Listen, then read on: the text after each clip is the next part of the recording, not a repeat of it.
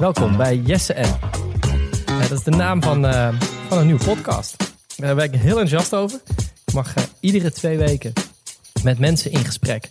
Die super interessant zijn, die mooie verhalen te hebben vertellen. En eigenlijk over veel onderwerpen waar vaak, vind ik, niet genoeg ruimte voor is. eh, tijdens mijn werk eh, in Den Haag, in het parlement. Vandaag eh, praat ik met Sinan Chankaya, schrijver van het fantastische boek Mijn Ontelbare Identiteiten.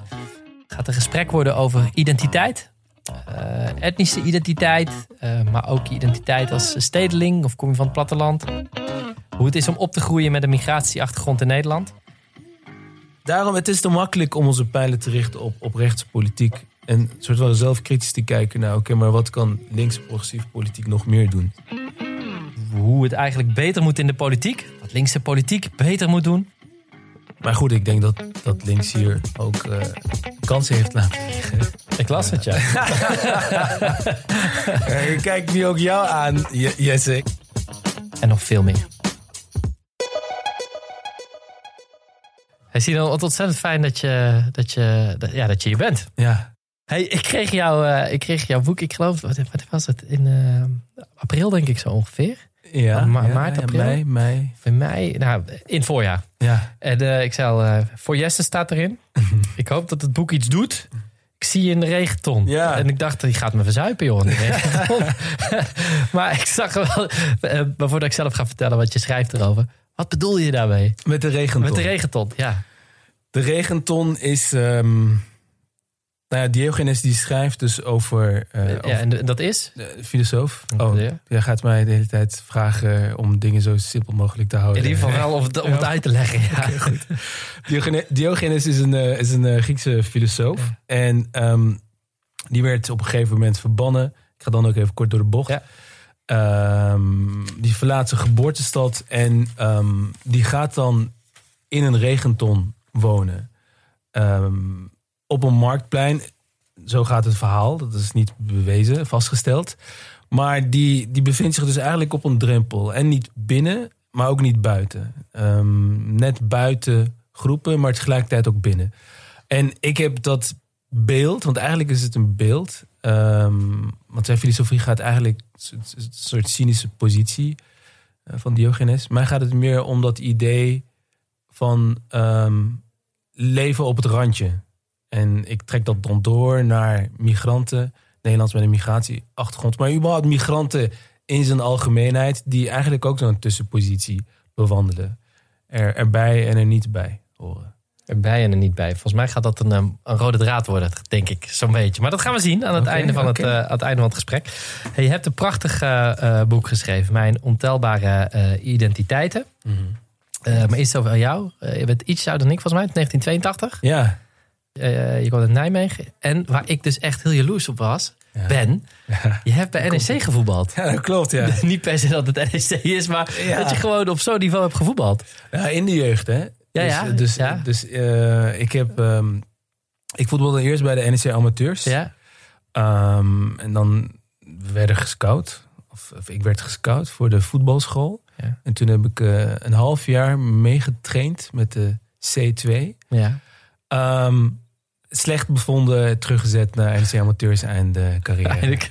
Als wat, uh, voetballer. Ja, maar toch, eh, dat is een half jaar langer dan ik bij een, prof, bij een professionele club heb, uh, heb gespeeld. Want jij, je vertelde, uh, of, je, of je, je schrijft eigenlijk, en dat is iets wat ik heel veel hoor bij, mm. bij mensen met een, met een migratieachtergrond, wat ik zelf ook wel meemaak.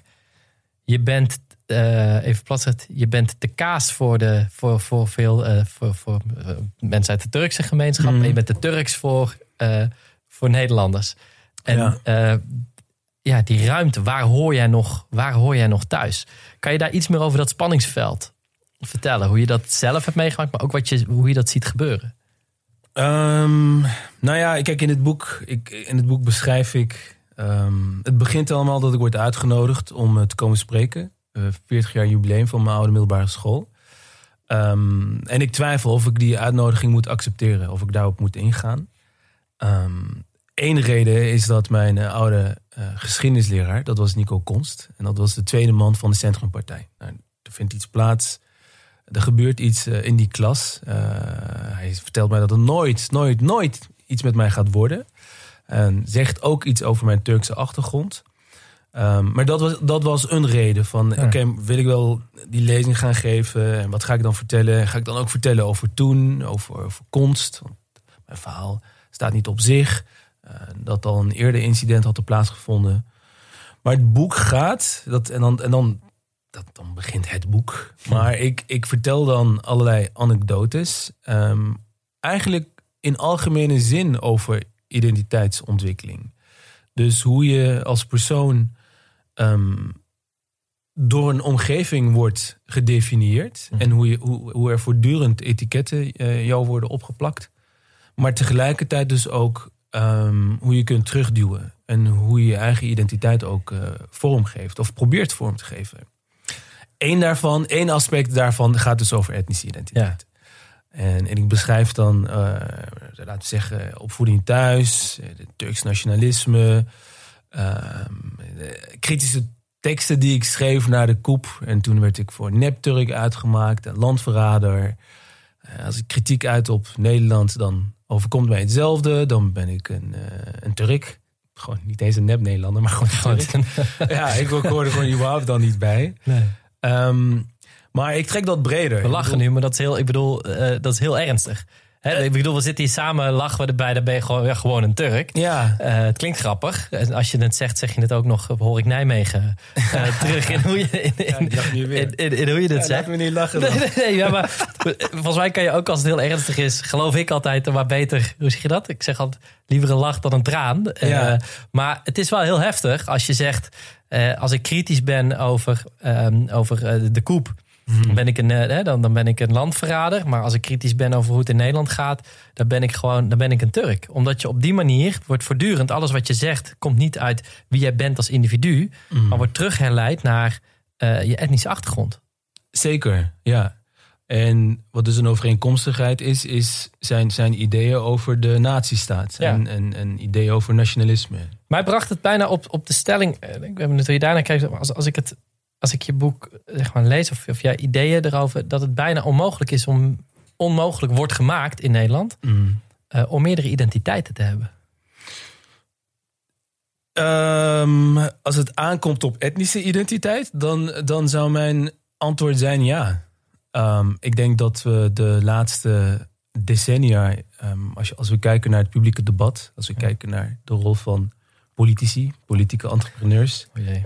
eh, Politieke entrepreneurs. Ja, ja, natuurlijk. Ja.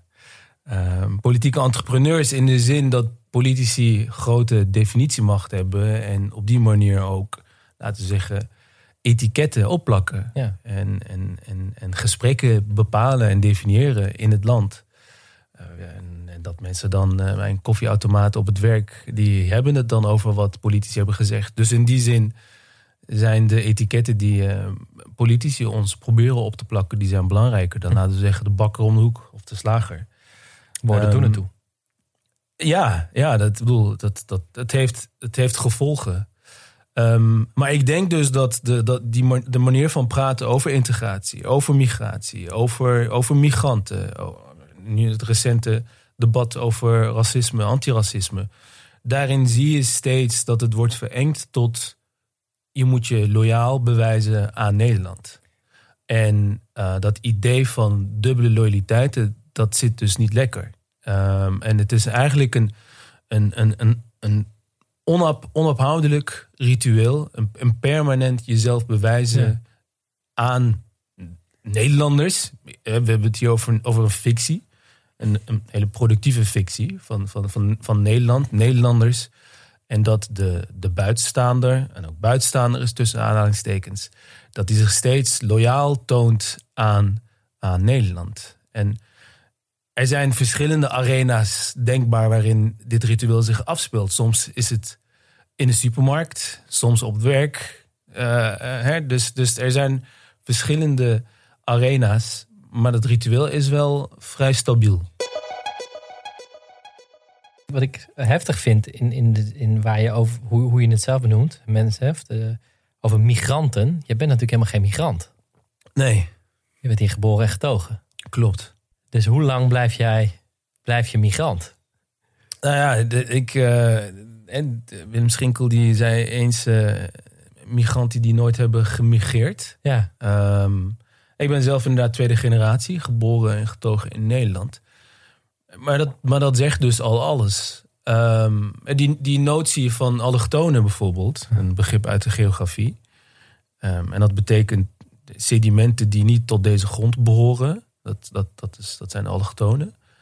Ehm, maar hier heb je het eigenlijk ook bijna letterlijk over mensen die op Nederlands grondgebied zijn geboren. Maar die behoren nog steeds in de verbeelding niet bij Nederland. Ik bedoel, uiteindelijk doet het, doet het daadwerkelijk geboren zijn op Nederlands grondgebied. Dat doet er natuurlijk niet toe. Want je hebt, je hebt ook eh, mensen die zijn, echt zijn gemigreerd. koningin Maxima. Nou, bijvoorbeeld. Ja. Of mensen met een vluchtelingenachtergrond. Ja. Eh, die, dus die kunnen ook Nederland, Nederlanders zijn. Dus we moeten ook niet eh, dat gaan verengen tot een soort bodenachtig achtig denkbeeld. Alleen, het is gewoon heel bijzonder om te zien dat je, je een begrip hebt met een soort semi-wetenschappelijke status. Eh, en dat zijn hartstikke gemankeerde begrippen, omdat ze ook eh, nu al een, een hele werkelijkheid niet kunnen vatten en grijpen en, en beschrijven. Is het dan ook... En dan is de vraag waarom die neiging om te willen klassificeren en te ordenen en, en, en, en divisies aanbrengen onder verschillende soorten Nederlanders.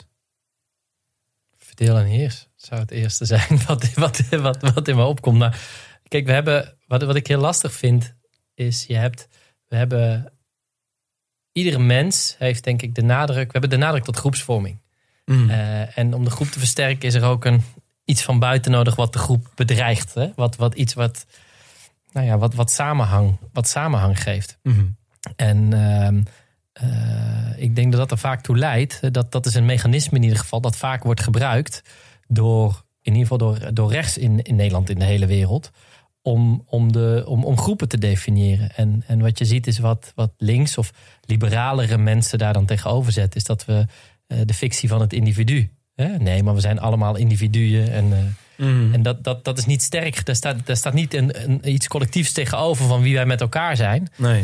Uh, Nee. En in mijn ogen is dat vrij problematisch. In als ik kijk hoe het nu met Nederland gaat. Dat we, je hebt iets van een collectief welbevinden nodig. En een, een, een idee van, van wie wij zijn als, als collectief. Ja, ja, Wat het zo groot mogelijk maakt. En nu is het heel eng en heel beperkt.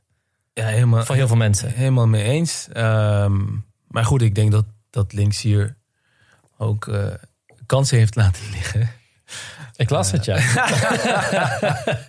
Eh, ik kijk nu ook jou aan, Je- Jesse. Ik denk ook dat GroenLinks Ja. eh, hier, een, hier een kans Vertel. in heeft laten liggen. Nou ja, precies dat. Eh, Het is, het is ehm, ik bedoel, het boek gaat ook over de ruk naar rechts. Ja. Ehm, dus ik beschrijf. Dus zeg maar even gegeven 2002, Pi- opkomst van Pim Fortuyn. En sindsdien eigenlijk moment- Ja, maar hoeveel eer- rechtser eerder het is, eh, dus wel, want ik, ik, ik, ik begin Ah. bij het Centrumpartij. en bij de SP in de jaren 80. SP inderdaad ook. Hè? Eh, de, de brochure Gastarbeid en Kapitaal. Ja. Ehm, waarin eh, de SP eigenlijk een, een, een, een, een dusdanig xenofobische tekst had. Nog erger was dan, dan wat de Centrumpartij aan het uitbraken was. Ehm, en migranten problematiseerde. Nou ja, het, Centrumpartij, maar daarna ook hè, de, de eh, Bolkestein en, en zijn discours over de botsing der beschavingen en, en de islam, eh, dat, dat als, een, eh, als een probleem werd eh, neergezet.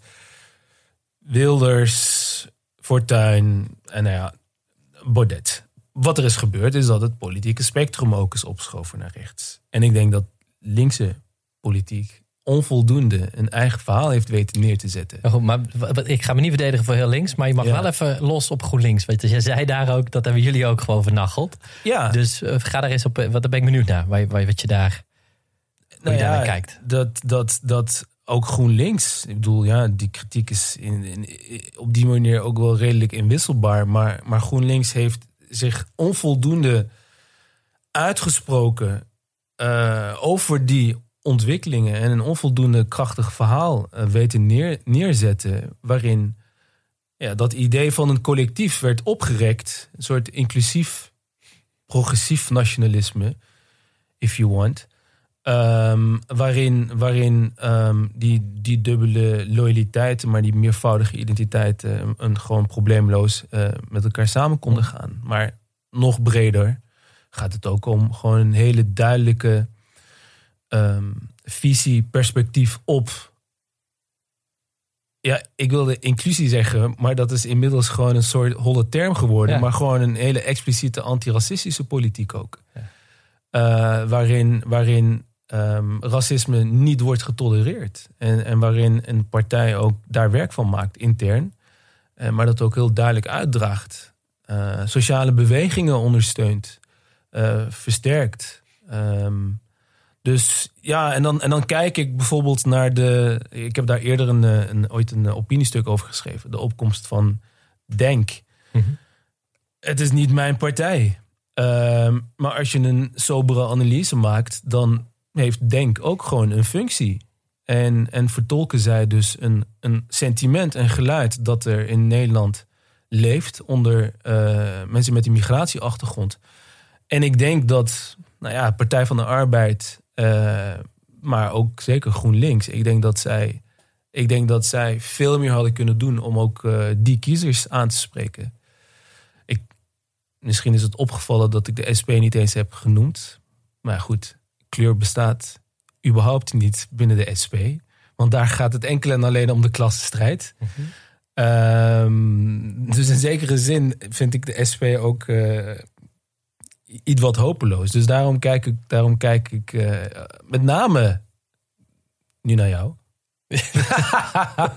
We zitten hier ook alleen, Ja, wil jij- alleen, ja, jij zit alleen in toevallig, Ja, ja. zeker. zeker. Ik vind het, Partij van de Arbeid. De vraag is in hoeverre de sociaaldemocratie eh, eh, nog hoop biedt. Ehm, ik vind het heel goed dat je zegt, want ik, ik geloof in politiek waarin je, eh, hoe zeg je dat? Je moet altijd kritisch, altijd kritisch kijken naar wat er in de wereld gebeurt. En als je dat wil kunnen doen, moet je altijd kritisch naar jezelf kijken en openstaan voor, voor alles wat mensen. Nou, dat is niet waar. Er wordt ook gewoon heel veel gescholden en daar ga ik niet naar luisteren. Maar Mm. eh, naar wat erover gezegd. Ik, ik, ik deel wel een, een, een, een deel deel ik wel. En dat is deels voor GroenLinks, maar het gaat ook gewoon over hoe de progressieve beweging in Nederland, wat ik eigenlijk net zei, hè, wat is, hoe heb je tegenover eh, de. Het is niet dat we ons nooit hè, dat, dat GroenLinks of andere partijen zich niet hebben uitgesproken tegen de haat die er was, maar dat is niet genoeg. Het gaat over wat is het alternatief en het eh, van, van die inclusieve samenleving. Nou ja, nu, nu je net hebt gezegd hoe leeg het is, daar heb je ook helemaal gelijk in. Maar mm, van een samenleving waar eh, het werkelijk gaat om wie jij bent als mens. Ja. En voor mij, is, voor, mij is, voor, mij is dat, voor mij is dat de kern. En hoe je dat bij elkaar kan brengen. Eh, en hoe je dus inderdaad kan zorgen voor een samenleving waarin we een groep zijn. eh, zonder dat we allemaal op elkaar hoeven te lijken. ja. En ik vergelijk het heel vaak eh, met de familie als samenleving.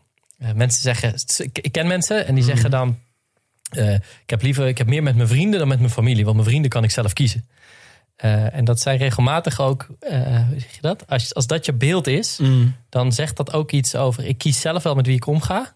En ik doe het niet met wie, wie ik krijg. En het, het- een samenleving, kan, je, we kunnen niet kiezen. In een samenleving kan je niet kiezen wie we er allemaal bij nee, krijgen. nee. Eh, de- Zeker de- niet in de publieke ruimte. en zeker niet, precies, zeker niet in de publieke ruimte. Dus eigenlijk is een samenleving veel meer een familie. Waarin je, eh, je als ik nou naar mijn eigen familie kijk, hè, dat je je neven hebt met wie je het op een eh, ongelofelijke zuipen kan zetten. En het heel gezellig hebt. En, Mm. en je hebt je oma erbij en je, je ouders. En, en, en maar je hebt ook een oma of een tante die een beetje gek is. Die hoort er wel bij. ja. Hè? En je hebt ook nog een oom met hele rare, rare denkbeelden.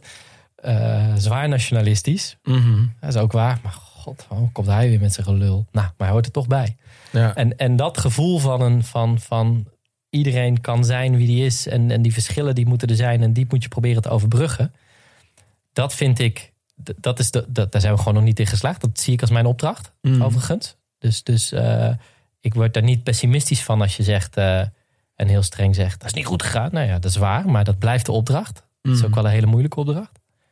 Waar ik wel mee worstel of waar ik, waar ik mee zit, zeg maar, is, en, en daarom kwam ik erover, die identiteit, hoe, hoe iedere subgroep weer voor uitsluiting zorgt. Mhm. Eh, ik ben zelf half Marokkaans. En, en eh, eh, sinds een paar jaar ken ik mijn Marokkaanse familie. Ben ik daar iets, ook gewoon iets meer mee bezig. En kom ik erachter hoe, Marok- hoe moeilijk Marokkaanse jongeren het hebben om ja, ik zeg maar Nederlands te zijn. Ik, dit is nu, ik doe ze niet, Mhm, maar mhm.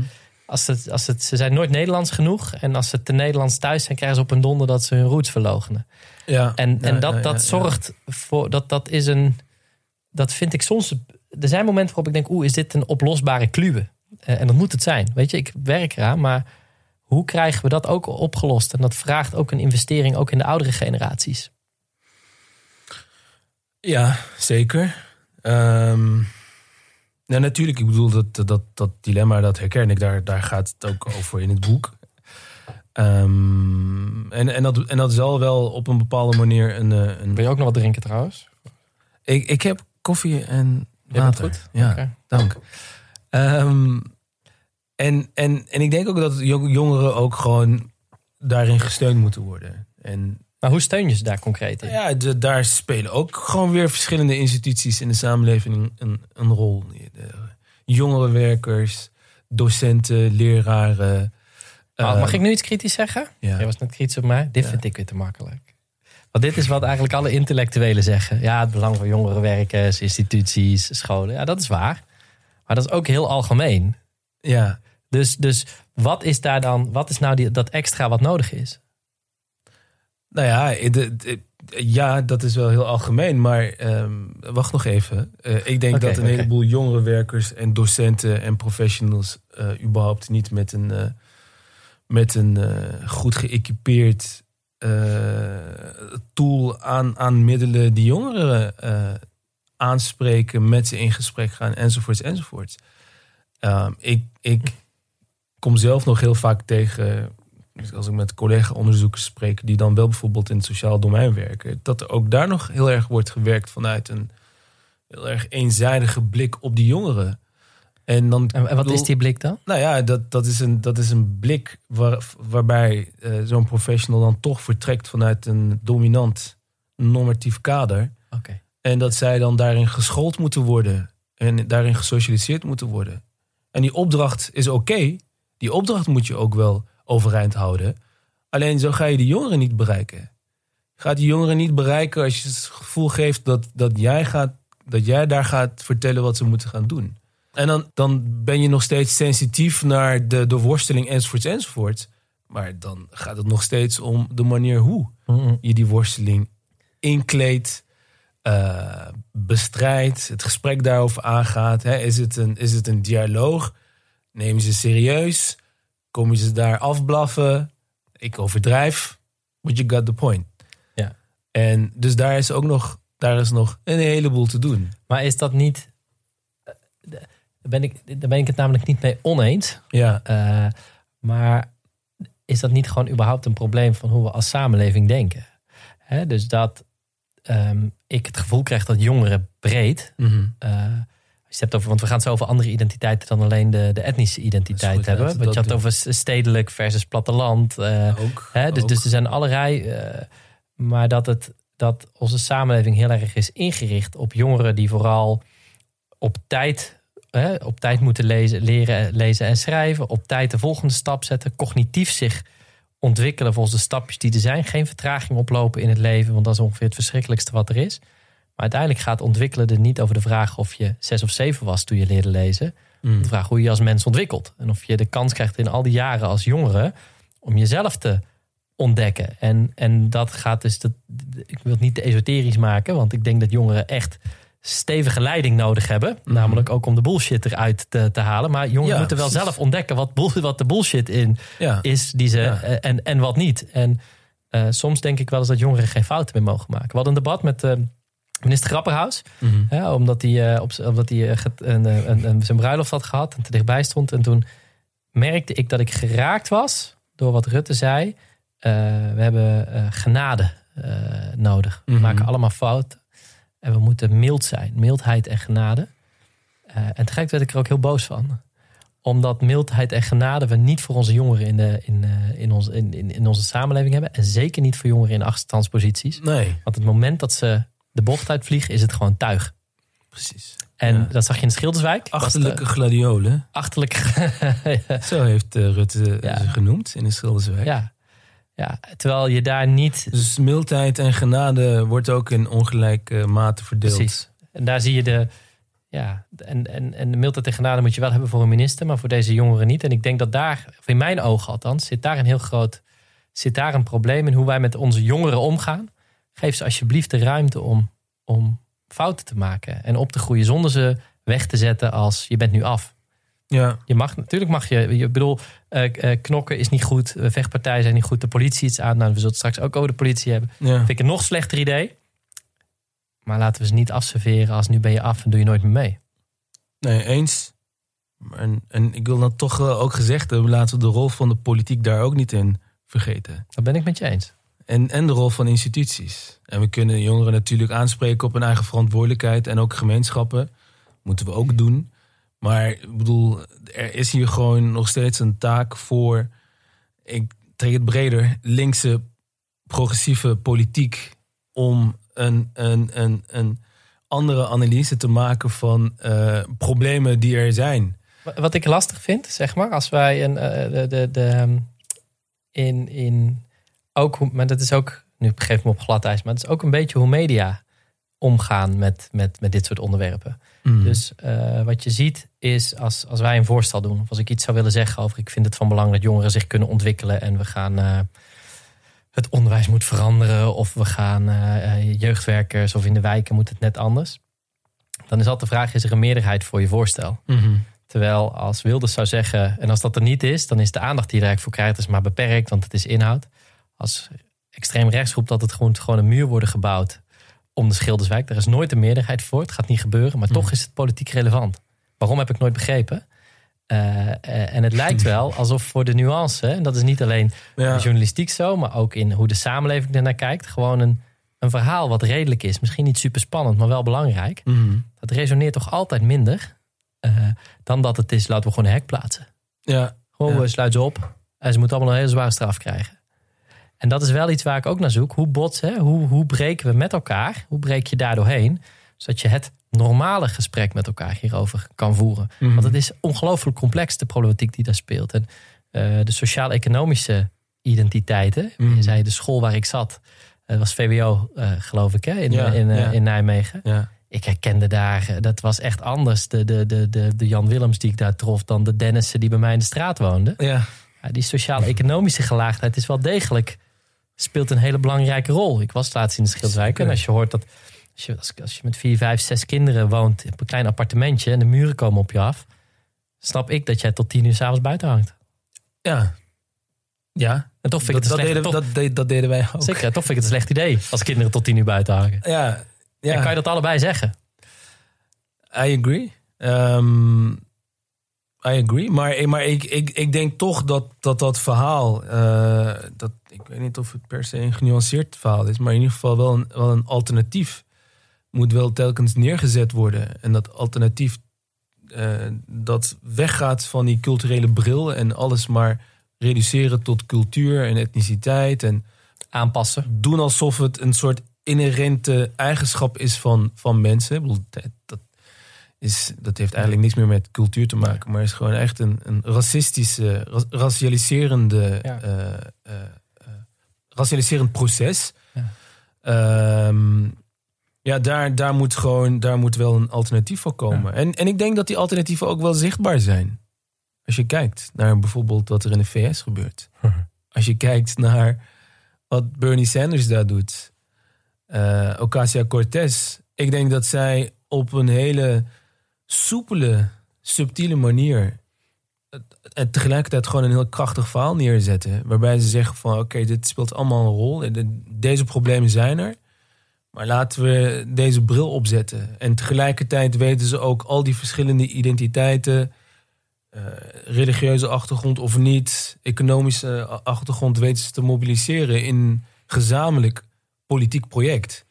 Waarbij niet die identiteiten doorslaggevend zijn, maar, maar De inhoud waarvoor je strijdt. precies, Ja. solidariteit. Want anders krijg je ook geen eh, grote collectieve beweging van de grond. Nee.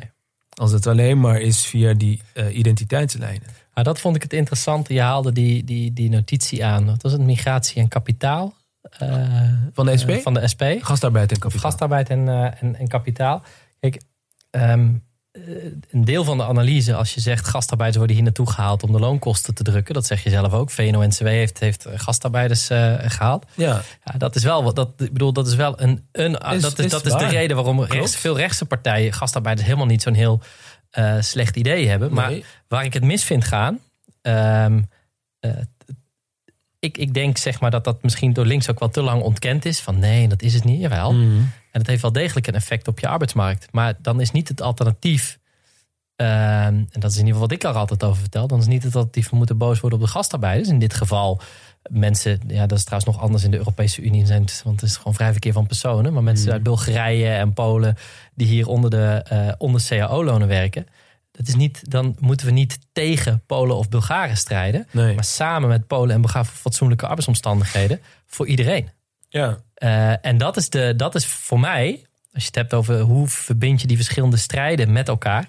Voor mij is dat iedere keer van belang. Dat je elkaar, met elkaar de strijd aangaat voor die betere arbeidsvoorwaarden. Want dat is waar uiteindelijk iedereen bij gebaat is. Namelijk degene aan die onderkant van de arbeidsmarkt... die eerst in dat slachterij werkte en nu zijn baan kwijt... omdat er iemand is die daar nog goedkoper wilde werken. Mhm. Eh, en die dat nu iemand onder erbarmelijke omstandigheden zijn werk moet doen.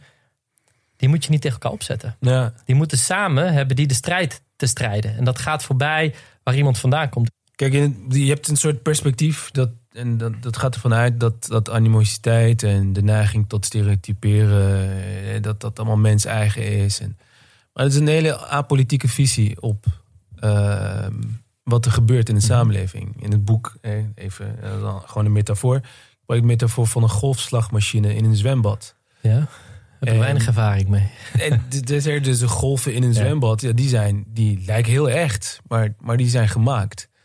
En de, de producent zie ik hier voor een groot deel toch als, als de politiek. Uh, voor- dat, dat rechtse politiek en linkse politiek, dat daar een heel eind in is meegegaan. Dat zij die frames hebben overgenomen. En dat het dan ook niet meer heel gek is dat een vrachtwagenchauffeur op een bepaalde manier de eh, werkelijkheid gaat interpreteren. En een makkelijke zonnebok kiest.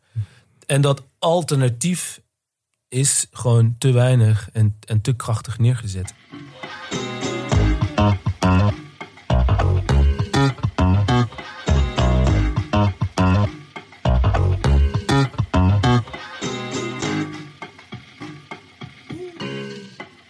Ik wil jou dan een vraag stellen. Hoe wil GroenLinks dit dan doorbreken? Want ik draag, ik draag eh, GroenLinks wel een eh, warm hart toe. Ehm, we hebben het net gehad over ontwikkeling. Nou ja, we hebben het eh, kort gehad over ontwikkeling in de samenleving. Sociale bewegingen die.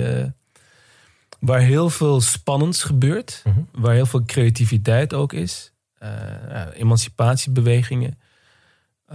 Meer identitaire partijen zou ik zeggen. Denk. Ehm, maar ik ben heel erg benieuwd. Wat, wat, wat- welke positie wil GroenLinks in dit, in dit politieke speelveld vervullen? En, en wat gebeurt er? Wel- wel- Welke activiteiten, strategieën? Hoe, hoe, ziet dat allemaal uit? Laat ik eerst, maar ik neem eerst even een paar stappen mee terug. Want ik ben het niet met alles met je eens. Dat wat is oké, dat is zegt. dus dus eh, daar, ga ik, daar, daar zeg ik een paar dingen van. En dan, dan het veel belangrijker, eh, de toekomst. Eh, ik ben het namelijk niet met je eens dat wij ons niet gehoord zouden. Dat wij ons niet hebben geroerd in de afgelopen jaren. En ik vind dat je dan ook zeg, echt mijn voorgangers tekort doet. Als er iemand altijd op de barricade stond. eh, toen dit opkwam, dit, dit, dit gif in de samenleving. Dan was het Femke Halsema wel. Eh, daar heeft ze ook een enorme prijs voor betaald. En Mm. dat heeft ze altijd gedaan. En eigenlijk als ik terugga naar alle momenten waarop extreem rechts over de schreef is gegaan en, en, en zich totaal misdroeg, stonden wij er altijd. Eh, in 2015, toen niemand durfde op te nemen voor de vluchtelingen. Het is deze week eh, dat we deze podcast opnemen, vijf jaar geleden dat eh Alan op het, op het strand ja. lag. Stonden wij er. En we hebben altijd positie niet omdat ze populair zijn of omdat ze. maar omdat ik, ik geloof, als je nergens meer voor kan staan, dan moet je een ander vak kiezen en niet in de politiek zitten. Dus ik ben het niet eens dat wij dat niet zouden hebben gedaan. Op een ander punt ben ik het wel eens. En dat is het schetsen van die andere wereld en het slaan van de verbindingen tussen al die verschillende groepen. En dat is een proces bij ons, wat ik zie, waar wij eigenlijk pas de afgelopen jaren in, in zijn geslaagd. Voor mij is daar een hele belangrijke, heel belangrijk in geweest, een boek wat ik heb gelezen van eh, ehm, eh, Martin Luther King. Mhm. Uh, Where Do We Go From Here? Eigenlijk het laatste boek wat hij heeft geschreven voordat Mhm. hij werd vermoord in eh, 68. En er was toen de tijd een enorme strijd gaande eh, binnen, de, de, de, binnen de beweging. En eh, er was een, de, de, de jonge radicalen, zou je kunnen zeggen. Die zeiden, witte mensen mogen niet met ons meestrijden. Mhm. Alleen zwarte mensen weten wat wij lijden en wat we doen. Het was een richtingenstrijd. Mhm. Een strijd die je trouwens nu ook alweer ziet eh, binnen Black Lives Matter. Ja, ja, ja. Uh, en het was Martin Luther King die eigenlijk schreef: wat wij moeten doen is ons niet alleen focussen op de, hè, op, op de, de, de raciale tegenstellingen. De, voor de wet zijn we nu gelijk. We moeten ook zorgen dat we in economische zin gelijk zijn. Hij zei toen, ik denk dat, dat Martin Luther King in 2021 het iets moderner had gezegd. Maar hij zei het toen, Mhm. passend in de tijdgeest. Uh, onze vrouwen moeten voor hun eigen gezin kunnen zorgen. En niet uh, de gezinnen runnen van witte vrouwen. Dat was eigenlijk wat hij zei. Ja. En, en die strijd voor economische gelijkheid, dat, moest, dat werd de Poor People Campaign. En daar probeerde hij eigenlijk de verschillende groepen te verbinden. Hij zei, eigenlijk zijn alle zwarte Amerikanen arm, Mhm. maar driekwart van alle arme mensen zijn wit. Mhm. En dat is zo'n dat is zo'n verbindende kracht en die mensen samenbrengen. Dat is, waar, dat, is waar ik, dat is waar ik in geloof. En daarom denk ik dat uh, mijn focus althans heeft heel lang gelegen alleen op de sociaal-economische uh, verschillen, zeg maar. Mhm. Dat is pas van de laatste jaren dat ik eigenlijk die culturele. Ik heb altijd. Super naïef, maar voor mij was er nooit een. Dus jij moet eigenlijk iets meer een culturele bril opzetten. Ja, omdat het voor mij nooit. Ik heb dat altijd als maar. Hm. Interesting. Uh, hoe zeg je dat? Oprecht. Dus ja, nou en wat maakt het mij nou uit wat je. Kleurenblindheid. Nou, maar tegelijkertijd dus, dus niet, want, want je, die bril is wel degelijk belangrijk. Dus mm. ik heb daar mezelf en de samenleving doe je daar juist tekort mee. Maar Absoluut. ik ben opgevoed door, uh, door mijn Indische oma en mijn, mijn uh, hartstikke Nederlandse opa. Mm. Die zei altijd, jongen, je bent een wereldburger. Zeg maar wat, als mensen vragen wat je bent, dan heb je maar één antwoord. Je bent een wereldburger. Mm. Het doet er niet toe waar, waar je vandaan komt. Weet je, het is... Je bent een Roosendaler en een Brabander. En je vader was een Marokkaan. En uh, je oma is Indisch. Ontelbare identiteit. Uh, ontelbare identiteit. Ja. Dat is waar ik. Uh, dat is waar ik in ben grootgebracht. Ja. Dus al dat. Ik geloofde, ik geloofde oprecht. Wat, hè? Ja, ik geloofde oprecht. In dat individu kunnen zijn. En zo heb ik me ook altijd op zich gevoeld. Pas de laatste jaren merk ik, ook online, dat mijn. Zeker online dat mijn uh, identiteit of dat, dat, dat mijn motieven in twijfel worden getrokken. Dus als ik iets zeg over moslims of over. Dat zegt hij, want het is stiekem zelf een moslim. de, de, dus mijn echte naam is niet Jesse Klaver. Al de, en eerst moest ik daarom lachen, Oh, zoals, jij, God. zoals jij dat ook doet. Oh, wow, ja. uh, maar pas toen ik mijn Marokkaanse familie ging leren kennen, dacht ik, maar Ja. dit is helemaal niet. Want ik dacht gewoon gekkies. Zoals ik ben opgevoed, ja. laat anderen maar lullen. Uh, ik, weet, ik weet wie ik ben. Het maakt mij niet uit. De, de, Mm. de, ik kan heel goed tegen kritiek. Ik kan heel goed uh, dat mensen me belangrijk. Het maakt me niet uit. Ik ben wie ik ben. Pas toen ik hen leerde kennen, dacht ik: holy fuck, dit gaat niet over mij. ja. Dit gaat over hele volkstammen in Nederland die, die, die op deze manier worden benaderd. Waarin iedere keer alles wat je doet en de identiteiten in twijfel wordt getrokken. Dus voor Mm. mij kan identiteit er wel niet te doen, maar voor de rest van de wereld wel. Mm. Dus moet dat wel degelijk iets zijn wat je ook politiek verder moet, verder moet vertalen. Dus Mm. eigenlijk voor mezelf is die, die, racia, racia, um, raciale component, of die Mhm. etnische component, is voor mij pas veel later, veel later bijgekomen. En om die met elkaar, met die met elkaar in verbinding, Ja. die met elkaar in verbinding te brengen. En voor mij zit het er echt op, wat zijn de belangrijke, wat is de belangrijke inhoud? Mm. En hoe zorg je ervoor dat je mensen daar op gedeelde belangen samen krijgt, in plaats van dat je ze ja, uit elkaar drijft. En in 2016 heb ik daar een boekje over empathische samenleving Okay. uh, geschreven. Um, uit je reactie maak ik op dat ik je dat nog nooit heb gegeven. Dus ik, zal, ik zorg dat het jouw kant komt.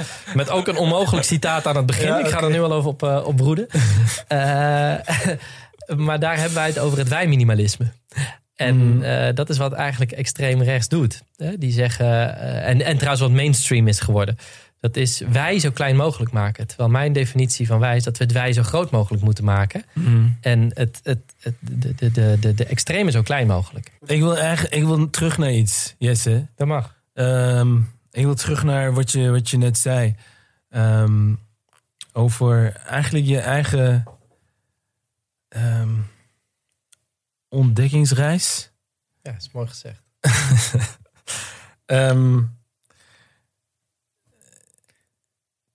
Ja, hoe begin ik? Nee, nou, sowieso hè, mildheid en genade. Het is nooit te laat om te leren, zou, zou, zou, ik willen zeggen.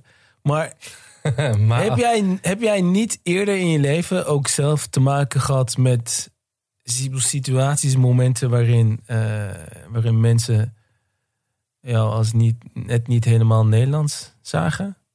Maar ik heb, je, ehm, jawel, maar ik heb dat nooit groot gemaakt. Kijk, in mijn leven, ja, je moet je. Ja, maar dat, dat doet er niet toe. Nog even los van jouw reactie, hoe je, wat je daarvan vond enzovoorts. Eh, Heeft de situatie zich voorgedaan? Ja, dat ik niet Nederlands ben. Nee, dat, dat iemand jou waarnam, percipieerde als, als, als niet, niet Nederlands. Of, of, of, ehm, of gewoon dat heel expliciet maakte. Dat, Ja, dat, ja, dat, de, de, de- ja dat, is, eh, dat is regelmatig gebeurd. Oké, oké, maar, dan, maar dat hele idee dus dat die omgeving je definieert en, en, en, en, en je, je eigenlijk geweld aandoet, dat, dat is dan bekend. Nee, maar ik heb dat nooit zo. Dat is het rare. Dat heb ik nooit zo gevoeld. Ja, oké. Dus, dus ehm, eh, ik ben het pas. eh, waar je altijd voor moet oppassen, is dat je te veel vanuit jezelf redeneert. Dus hoe je zelf reageert, dat anderen ook zo reageren. Mhm. Dus ik heb heel lang gedacht, nou ja, boeien als mensen dat zeggen, het gekkies. Eh, ik bepaal zelf wel wat ik doe. Maar dat is, eh, als je klaver heet, ook even zeggen, dat heeft niet alleen met je karakter te maken, maar ook met de omstandigheden. Ik was al op jonge leeftijd, kwam ik in de Tweede Kamer en was ik Kamerlid, ik heet Klaver. Dan is het misschien ook net iets makkelijker om dat allemaal eh, te, te absorberen. Zeker, Eh, zeker. eh, zal ik maar zeggen. Dus ik zeg op geen enkele wijze als je dat wel aantrekt dat dat jouw schuld is. Dat wil ik, dat, dat, dat, dat, dat is, dat zou, dat zou rechts doen. Dat is, dat is verkeerd. Dat, dat, dat wil ik niet. Eh, en je moet oppassen dat je het niet te veel redeneert van hoe jij reageert, dat ieder de rest van de wereld ook zo is. Mhm. Maar je moet je voorstellen hoe ik ben opgevoed door, mijn, ja, door, door mijn familie. Is je trekt je van niks of niemand iets aan. En wat andere mensen ook zeggen, eh, wat het toe doet, is dat wij van je houden. Eh, en de rest is niet belangrijk. Mhm.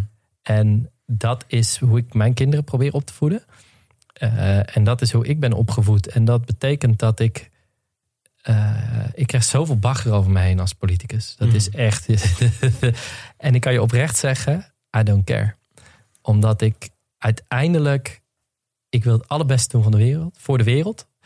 Eh, ik geloof dat politiek daar een belangrijke bijdrage in kan leveren. Ik ben politiek actief geworden na de opkomst van Pim Fortuyn.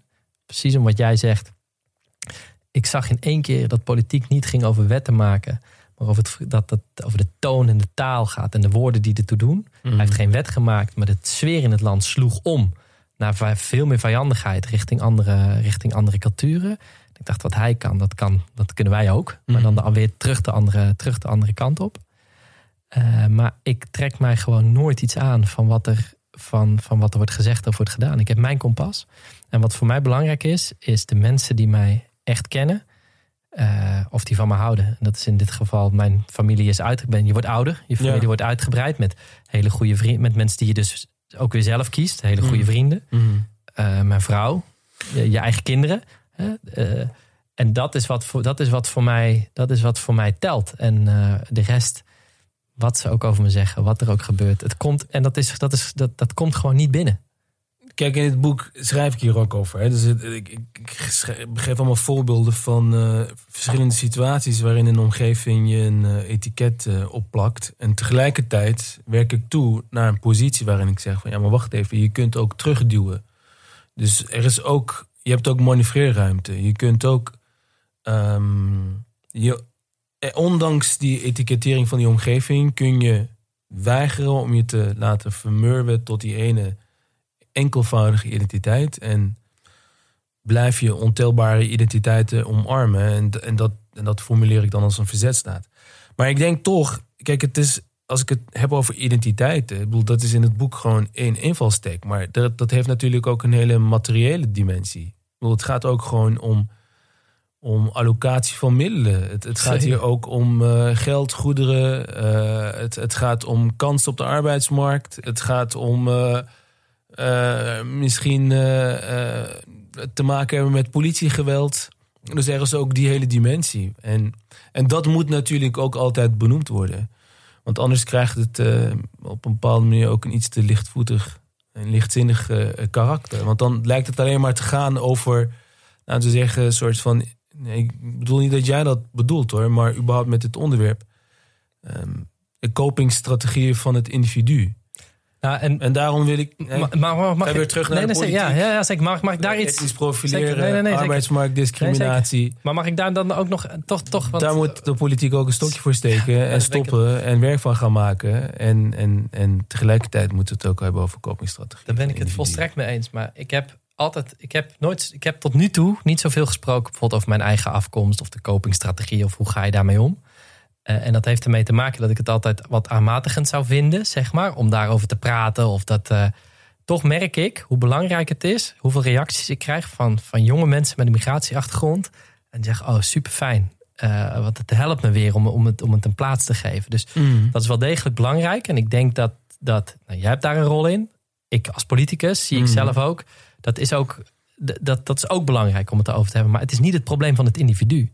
Eh, en dat is wat mij altijd ook terughoudend heeft gemaakt in dit soort dingen zeggen. Omdat het namelijk een systeemprobleem is. Ja. Eh, als kind, ja, het is, het is anekdotisch dat op school wordt gezegd dat jij zegt: eh, het wordt, Ik had een docent die zei: Het wordt nooit wat met jou. Ja. Was het maar een anekdote? Ja. Het staat namelijk symbool voor hoe het nog veel te vaak in het onderwijs gaat. Dat kinderen eh, met een migratieachtergrond ja. eh, te laag worden eh, geadviseerd. Het is nog steeds zo dat ze ma- minder makkelijk stageplaatsen kunnen vinden. Het is nog steeds zo dat er arbeidsdiscriminatie is. En het allerergste is er, vind ik, dat daar de afgelopen jaren door de politiek gewoon geen fluit aan is gedaan. Dus er wordt altijd gezegd, het is super erg, dat gaan we, gaan we echt allemaal aanpassen. En er verandert geen fuck. Ja. En als je geen anderhalve meter afstand van elkaar houdt, dan kan je een boete krijgen en een strafblad. En je kan als bedrijf gewoon discrimineren wat je wil. En Ja. er komt nooit iemand langs om jou op, je, op de vingers te tikken. En dat moet echt veranderen. Eh, en, en dat is, dat bedoel, daar heb ik ook voorstellen voor gedaan. Eh, ik vind namelijk dat die straf dik omhoog moet. Eh, en dat we het moeten opsporen. En dat we de randen moeten opzoeken van wat daar wettelijk mogelijk is. Mhm. Omdat Mhm. nu maken we van racisme en van uitsluiting maken we een individueel probleem. Dus mijn probleem bij Rutte was toen hij zei: Ja, maar je moet nooit opgeven. Weet je, ben ik het, Mhm. daar ben ik het mee eens. Maar dat is geen politieke strategie. Dat is namelijk het hebt over de verantwoordelijkheid van de politiek. Daarmee leg je het bij het individu. ja. En de politiek heeft de taak om het systeem wat mensen tegenhoudt te veranderen. Dat is waarom ik in de politiek zit. Mag, ik, mag ik weer? Zeker. Ik, ik, kijk, eh, ik, ik haak even ook eh, in op wat je net zei. Dat ik, ik, ik had dit boek echt niet geschreven eh, alleen maar omdat ik denk dat ik eh, zo'n heel bijzonder persoonlijk verhaal heb.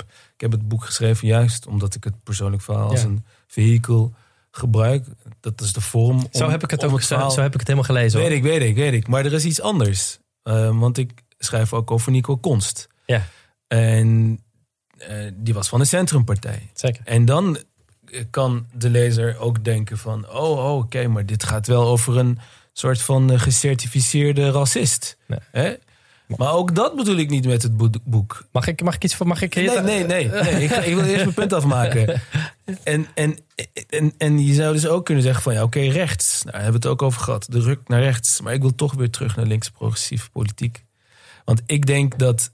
Ik vind dat ehm, bijvoorbeeld de Partij van de Arbeid... Ja. kan zich in mijn ogen nog steeds niet losrukken... van dat goedbedoelende paternalisme... Ehm, dat, dat blijft er nog steeds in zitten. Wat ik gewoon, ik, ik, wat, wat ik gewoon nog onvoldoende zie, is dat establishment politieke partijen onvoldoende een brug weten te slaan naar wat op dit moment in de samenleving leeft. En de gebeurtenissen, de sociale bewegingen. Ik heb het ook over de, de milieubewegingen, eh, over hele jonge eh, eh, kids. Maar ook eh, eh, de voorhoede van de antiracismebeweging. Kijk, recent de Black Lives Matter beweging op de Dam. eh, Wat ook weer een hele diverse groep mensen heeft weten te mobiliseren. En, en daarom, het is te makkelijk om onze pijlen te richten op, op rechtspolitiek. En een soort van zelfkritisch te kijken naar, oké, maar wat kan linkse progressieve politiek nog meer doen? Zeker, maar dat, dat- daar ben ik het helemaal met je. eh, Als wij het niet beter gaan doen, gaan we ze namelijk nooit verslaan en gaat het nooit beter worden. Ja, Dus, dus eh, daar ben ik het helemaal mee eens. Sorry dat ik je net in de reden wilde vallen, maar dat is oké. ik, eh, dat komt omdat ik het, het mooiste stukje van je boek heb je niet zelf geschreven.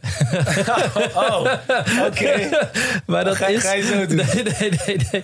Dat is helemaal, dat komt helemaal op het laatste. Ja, dan ga je het- Maar- ga je het lezen? eh, pagina 206. Ja, ik ga het voorlezen. Ik ga het voorlezen. Pagina 236 komt het. En dat Ja. is namelijk, je hebt het over, ehm, over die, die, die docent van de, van de Centrumpartij. Dat speelt in het hele boek, komt dat een aantal keren terug. En. Dat zet je inderdaad op het verkeerde been, precies zoals je zegt, het probleem, hè, of dat het probleem is. Hè, dat, is Mhm. dat is ook heel, het, het, het, het, dat is eh, heel comfortabel, zeg maar, Heel om te lezen. Heel makkelijk. Het, het is, het is heel comfortabel. Dat je. Zie je wel, oh verschrikkelijk die man. Nou, gelukkig is de rest van de wereld niet zo. En dan sluit je dus af, eigenlijk net voor de epiloog. Eh geachte, geachte heer eh, Kankaya. Ja, Af... wacht, wacht, wacht. Dus, dus ik krijg een Oh ja. mail van Sorry, ja. oud, Ja, maar dat is- ik krijg een mail van een oud docent. Weet je wat? We gaan het anders doen. Want, ik, Ja. want eh, jij pakt het nu veel te goed op. Hartstikke goed. Oh. Jij gaat vertellen wat gebeurde en of je dit wil voorlezen. Oké, is goed. Ehm, hallo mensen. Ehm, dus ik, doen er een het- muziekje Het boek sluit af met dat ik, eh, dat ik, dat ik de lezing geef. En in, in, die, in, die, in die speech van 15 minuten... halverwege ehm, adresseer ik eh, Nico Konst... die gewoon in de zaal zit. Overigens, de, de meest onwaarschijnlijke gebeurtenissen in het boek... die hebben echt eh, plaatsgevonden. Ehm, ik heb literaire vrijheid genomen... maar dat is meer om situaties aan elkaar te schrijven... Dus ik adresseer eerst Nico Konst. En hij zegt vervolgens. eh, hij onderbrak mij midden in een speech. Want hij zat daar ergens in een zaal. En toen vertelde ik over wat die gebeurtenis in de klas. En toen, toen eh, vouwde hij zijn handen om zijn mond. En schreeuwde hij van. Ik kan me er niks van herinneren. Ehm, en er was in die zaal was er, was er aan de ene kant ongemak. En, aan, eh, en, tegelijkertijd was er een soort van eh, ver- verdeeld applaus. Niet echt heel enthousiast applaus. Maar drie dagen later ontving ik de volgende e-mail. En dit is letterlijk transcript van die e-mail van een, eh, mijn oud docent. Ehm Marieke Hond. Geachte heer Chankaya. Afgelopen donderdag was ik aanwezig bij uw stuitende optreden op de viering van het 40-jarig jubileum van onze mooie school. Ik begrijp dat u in uw tijd op dit college gediscrimineerd en beledigd bent of u gediscrimineerd en beledigd hebt gevoeld. Dat is uitermate triest. Waar ik mij als oud-docent aan dit college diep over schaam, is dat wij in die tijd niet in staat zijn geweest u bij te brengen dat boven carrière, proefschrift, geld en macht iets anders staat, namelijk respect voor anderen. Dat wil zeggen beschaving. Bovendien, als u werkelijk gediscrimineerd en beledigd bent, dan weet u als geen ander hoe erg dat is. U zou dus de eerste moeten zijn om dat zelf niet te doen. Om. Oké. Oké. Om een feest... Sorry. Sorry, ik verpest het. Ik zat er net in, hé. Verpest het. Erg jammer dit. Om een feestelijke viering te gebruiken om uw eigen frustraties tentoon te spreiden, vind ik ongehoord. Nogmaals, wij zijn wat u betreft zwaar tekortgeschoten. Was getekend Marieke Hond, meer dan 30 jaar verbonden geweest als docent. Ja. Dit vond ik, omdat je het zei, eh, we laten we wijs niet naar rechts of doe niet te makkelijk. Ja. Eh, het is een probleem vandaag. Wat ik zo schokkend vind, of zo eigenlijk, is het, eh, ik bracht het grappig, het mooiste stukje, is dit, dit, deze, deze mail zegt alles. Mm. Deze mail zegt voor mij alles dat het niet een probleem is van, van, van een rechts, één rechtsextremistische docent. Nee. Eh, maar van mensen die jou als het probleem zien omdat jij het adresseert. Precies. Terwijl de mail die zij had moeten sturen, in mijn ogen, is. eh, eh, meneer Tjanka, ja, het, ik vond het verschrikkelijk om dit te horen. En in al die jaren ben ik me hier nooit van bewust geweest. Mhm. En wat erg dat we een niet te veilige omgeving voor u hebben kunnen creëren. waarin u heeft kunnen studeren en kunnen leren. En des te bijzonderder is het eigenlijk wat u nu allemaal heeft, heeft, heeft bereikt. Mhm. Als u er nog eens over wil praten, ga, ik graag met u, eh, ga ik graag met u in gesprek. En ook zij is niet, niet om haar weg te zetten als, als, als docent, maar zij staat wel symbool voor een samenleving waarin en politiek, waarin we te makkelijk zeggen: nee, maar er zijn een aantal mensen die discrimineren. En dat is waarom het zo belangrijk is om te spreken over uh, institutioneel racisme. Mhm. Omdat het er niet over gaat over echte racisten in deze. De, de, de, hardcore racisten, die zijn er. Mhm. Die gaat ook niet weg, maar dat blijft een heel klein percentage. De vraag is: is de rest van onze samenleving zo ingericht Mhm. dat de uitsluitingsmechanismen die erin zitten, dat we die eruit halen en dat als iemand gediscrimineerd wordt en als er sprake is van racisme, we niet het probleem maken van dat individu, Ja. maar de verantwoordelijkheid naar ons toe trekken. Of je dat nou doet als politicus in de wetgeving die er is, of als docent over het creëren van een, eh, veilige omgeving. En ehm, dat brengt ons ook. We kunnen volgens mij nog heel lang doorpraten, maar anders krijg, zijn- krijg ik op er, donder. Maar eh, Zijn, hè? eh, Ik voel het. dit, dit brengt me aan Ik het voel einde. dat we tot een, tot een einde moeten komen. ik, ik voel het helaas ook. Maar dat brengt ons aan het einde van dit gesprek. Ik vond het, eh dankjewel. Ook voor je, voor je hele eerlijke eh, Voor kijk mijn- op, het, eh, op, op, op het geheel. En, en ook je feedback. En eh, ik voel het. En eh, eh, nou ja, dit vatte het voor mij heel goed samen. Voor de opdracht waar we, waar we voor staan. En we gaan het doen. Mooi om te horen. Dank voor de uitnodiging. Dank dat je wilde komen.